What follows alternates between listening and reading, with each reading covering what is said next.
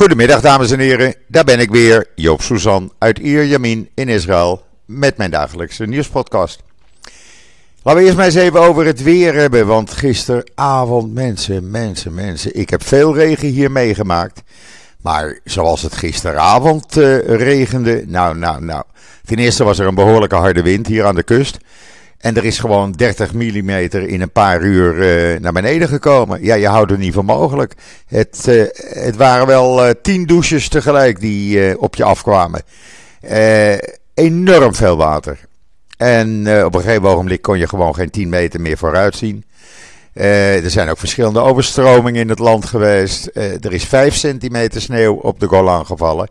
de berg Germon, ja, daar kan je nog niet skiën, maar de temperaturen zijn beneden het vriespunt. Dus hopelijk komt daar wat sneeuw bij. En dan, uh, ja, dan gaat Joop toch echt een keertje naar de Golan om sneeuwballen te gooien.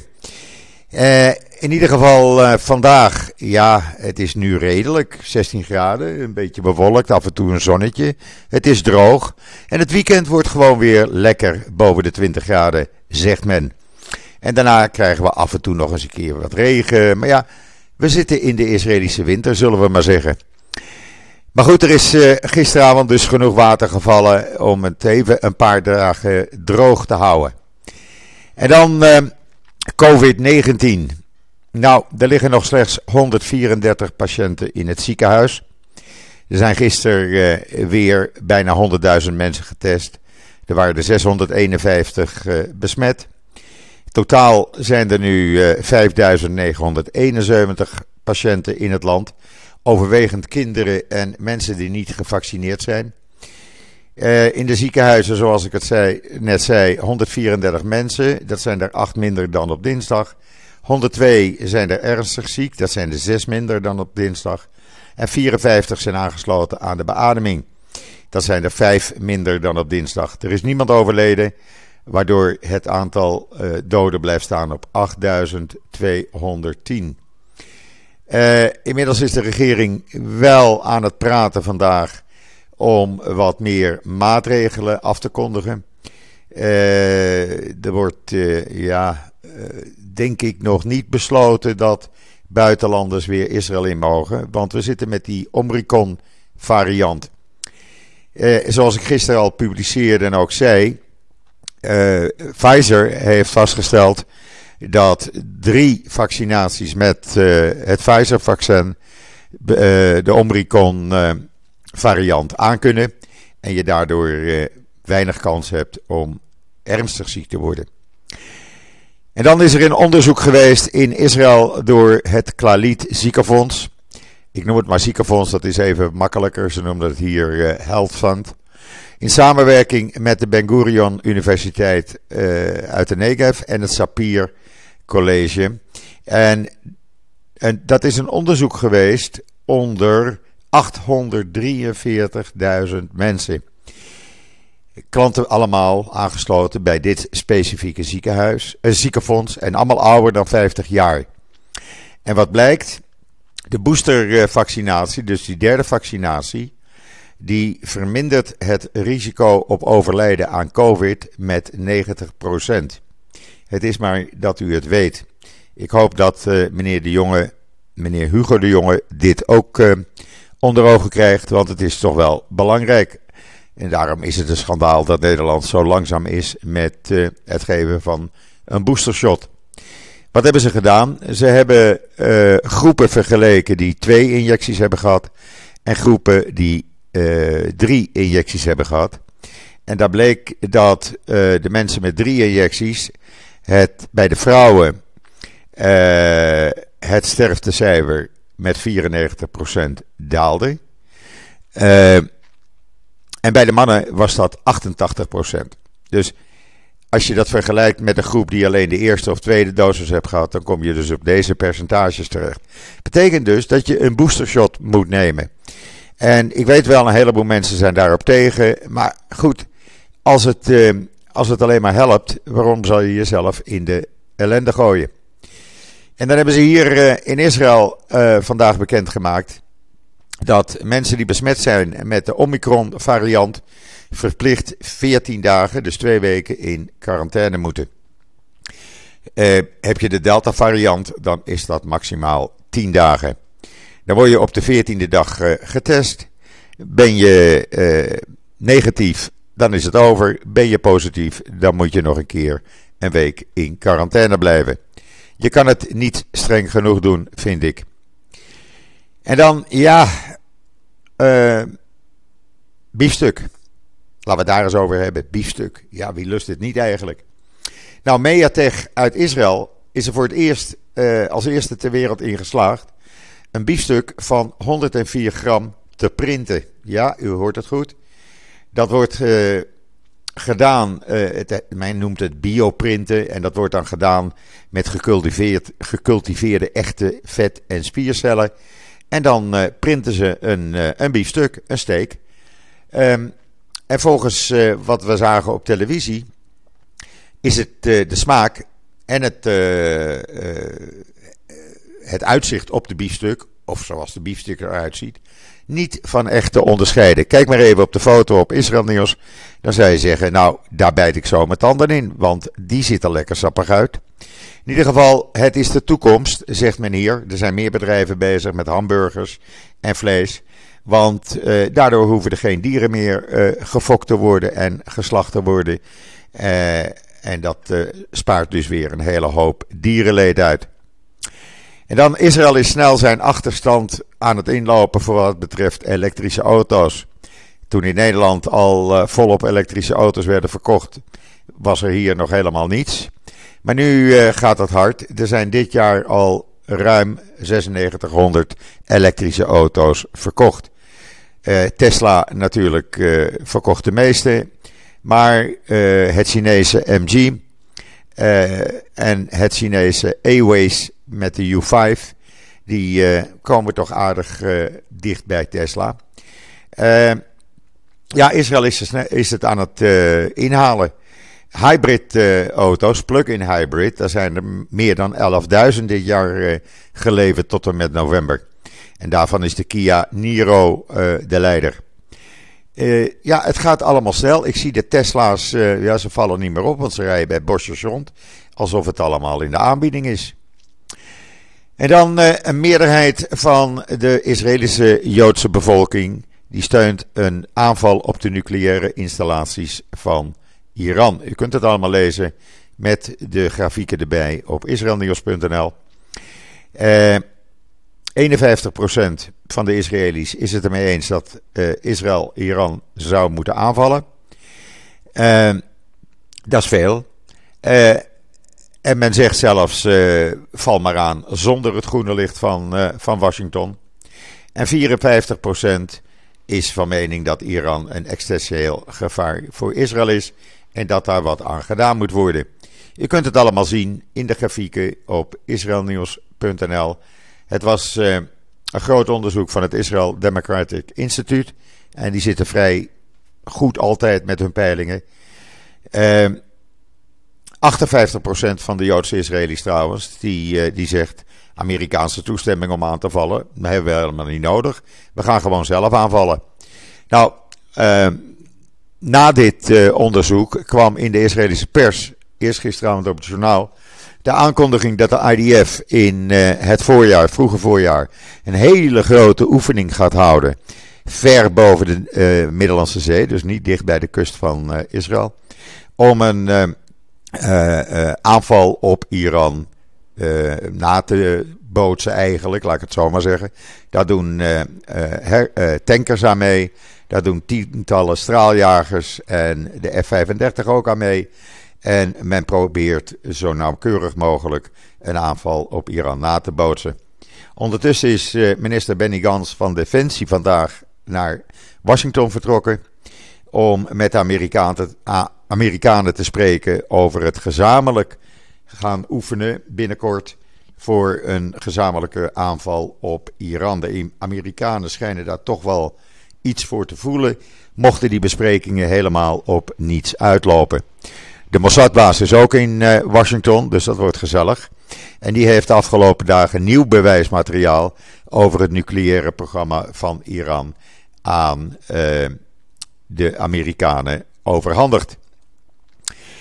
En dan uh, ja, ik, heb, ik had trek van de week in falafel. En toen vond ik een recept. Ik denk, weet je wat? Dat ga ik lekker op israelnieuws.nl zetten als recept van de week. Dus heb je trek in falafel? Kijk even naar het recept op Israël Nieuws. En dan is, ja, er wordt wat afgereisd door de Israëlische ministers. Het is weer helemaal ouderwets. Uh, minister van Buitenlandse Zaken Yair Lapid is vanmorgen in Cairo aangekomen. Gaat spreken met president Sisi en met zijn collega van Buitenlandse Zaken, meneer Shukri. En dat gaat over natuurlijk Israël en Hamas. Uh, het gaat over uh, een directe voortzetting van het buitenlandse beleid samen met Egypte om gemeenschappelijke belangen te gebruiken voor de regionale stabiliteit. Maar het gaat vooral ook om de teruggave van twee stoffelijke overschotten van twee militairen en twee Israëli's die daar nog steeds gevangen worden gehouden. Uh, en de wapenstilstand tussen Israël en Hamas. Hij heeft het er maar druk mee, Lapid, maar dat zal allemaal goed komen, denk ik. Uh, en dan, uh, wat hebben we nog meer? Ja, we hebben nog veel meer. Ik raad u aan even op de NIW-website te kijken. Want Esther Voet heeft daar weer een geweldig hoofdartikel neergezet. Ze doet het eigenlijk elke week. En dat heet Geschiedenis. En dat gaat natuurlijk over meneer Baudet. Lees het maar eventjes, want ik vind het een aanrader. En dan, ja, na ruim 60 jaar. We hebben er 60 jaar op moeten wachten. Maar uiteindelijk heeft het ministerie van Volksgezondheid toegegeven dat ze betrokken waren bij de ontvoeringen in de jaren 1950-51 van meer dan duizend Jemenitische baby's die uh, in Israël aankwamen. En dat is nog steeds uh, niet helemaal duidelijk uh, hoe dat nou precies is gegaan. Maar eindelijk hebben ze gezegd: wij waren daar ook bij betrokken. Nou, uh, beter laat dan nooit, zeggen we dan maar. En dan was er een nieuwspresentatrice op Fox News, ene mevrouw Ensley Earhart. En ja, die had weer een briljante opmerking, om het zo maar eens te zeggen. Want volgens haar, en dat heeft ze helemaal uitgelegd in een programma, is de kerstboom uh, vertegenwoordigt de kerstgeest, maar het vertegenwoordigt ook Chanukka. Want het gaat over de feestdagen, het gaat over Jezus, het gaat over Chanukka. Het gaat over alles waar we als land voor staan. Nou, ik vind het een goeie, moet ik maar zeggen. Hoe verzin je het? En dan uh, uh, had ik nog een dingetje. Ja, hier. Uh, de Verenigde Arabische Emiraten en Saudi-Arabië. Die hebben een verklaring uitgegeven. Waarin ze zeggen: Oké, wij steunen een Palestijnse staat. Met een hoofdstad in Oost-Jeruzalem. Maar we waarschuwen tegelijk tegen de terroristenbende Hezbollah. Die moet aangepakt worden. Daar moet iets tegen gedaan worden. Uh, en als je dat niet doet, dan, uh, ja, dan gaat de hele regio in uh, vlammen op. gisteravond was op de Israëlische televisie Abraham Friedman, de voormalige ambassadeur van Amerika in Israël. Ik geloof dat hij hier in Israël is blijven wonen die dus door Trump ambassadeur werd benoemd. En die zegt, ja, ik denk, wat zegt hij nou? Maar hij zei het echt. Hij zegt, uh, op dit moment denk ik niet dat Israël moet vertrouwen op Amerika, want Amerika heeft niet dezelfde opvattingen als Israël voor wat betreft Iran. Je moet op jezelf vertrouwen en vertrouw de politiek vooral niet. Dat zei de voormalige Amerikaanse ambassadeur in Israël. Nou, ik vind het nogal een uitspraak, om het zo maar eens even te zeggen. Uh, want ja, hij vertegenwoordigde toch Trump en deed alles wat uh, uh, Trump eigenlijk wilde. Hij gaf Trump ook vaak ideeën. Maar ja, om dan dit aan plein publiek te zeggen, het was nogal wat. Ja, na gisteravond waren natuurlijk die steekpartij in Sheikh Jarrah. En wat vonden de rechts, rechtsextreem extremistische partijen. Uh, die vonden het nodig om maar even door die wijk te gaan lopen met spandoeken, met Israëlische vlaggen. Lekker de boel een beetje ophitsen, zodat we binnenkort weer uh, uh, een steekpartij daar in die buurt krijgen. Ik begrijp dat allemaal niet. En dan hebben we hier nog een vliegtuig over. Als u nog een vliegtuig zoekt, met badkamers, met slaapkamers. Het kan niet op. Het heeft 241 miljoen dollar gekocht. Het heet officieel de vleugel van Zion, ook wel de Israëlische Air Force, Air Force One genoemd. Sorry. Uh, dat was een project van Netanyahu, want die wilde niet meer met de lijnvluchten mee of uh, gecharterde vluchten van uh, El Al. Hij wilde een eigen Air Force One. Nou, die mag nu vliegen. En wat zegt president uh, Herzog? Nou, nee, die ga ik niet gebruiken. Verspilling van geld. Wat zegt Naftali Bennett? Nou, nee, voorlopig hoef ik dat vliegtuig niet te gebruiken. Want ik heb daar altijd kritiek op uitgeoefend toen ik nog in de oppositie zat. En dan ga ik nu als premier dat vliegtuig natuurlijk niet gebruiken.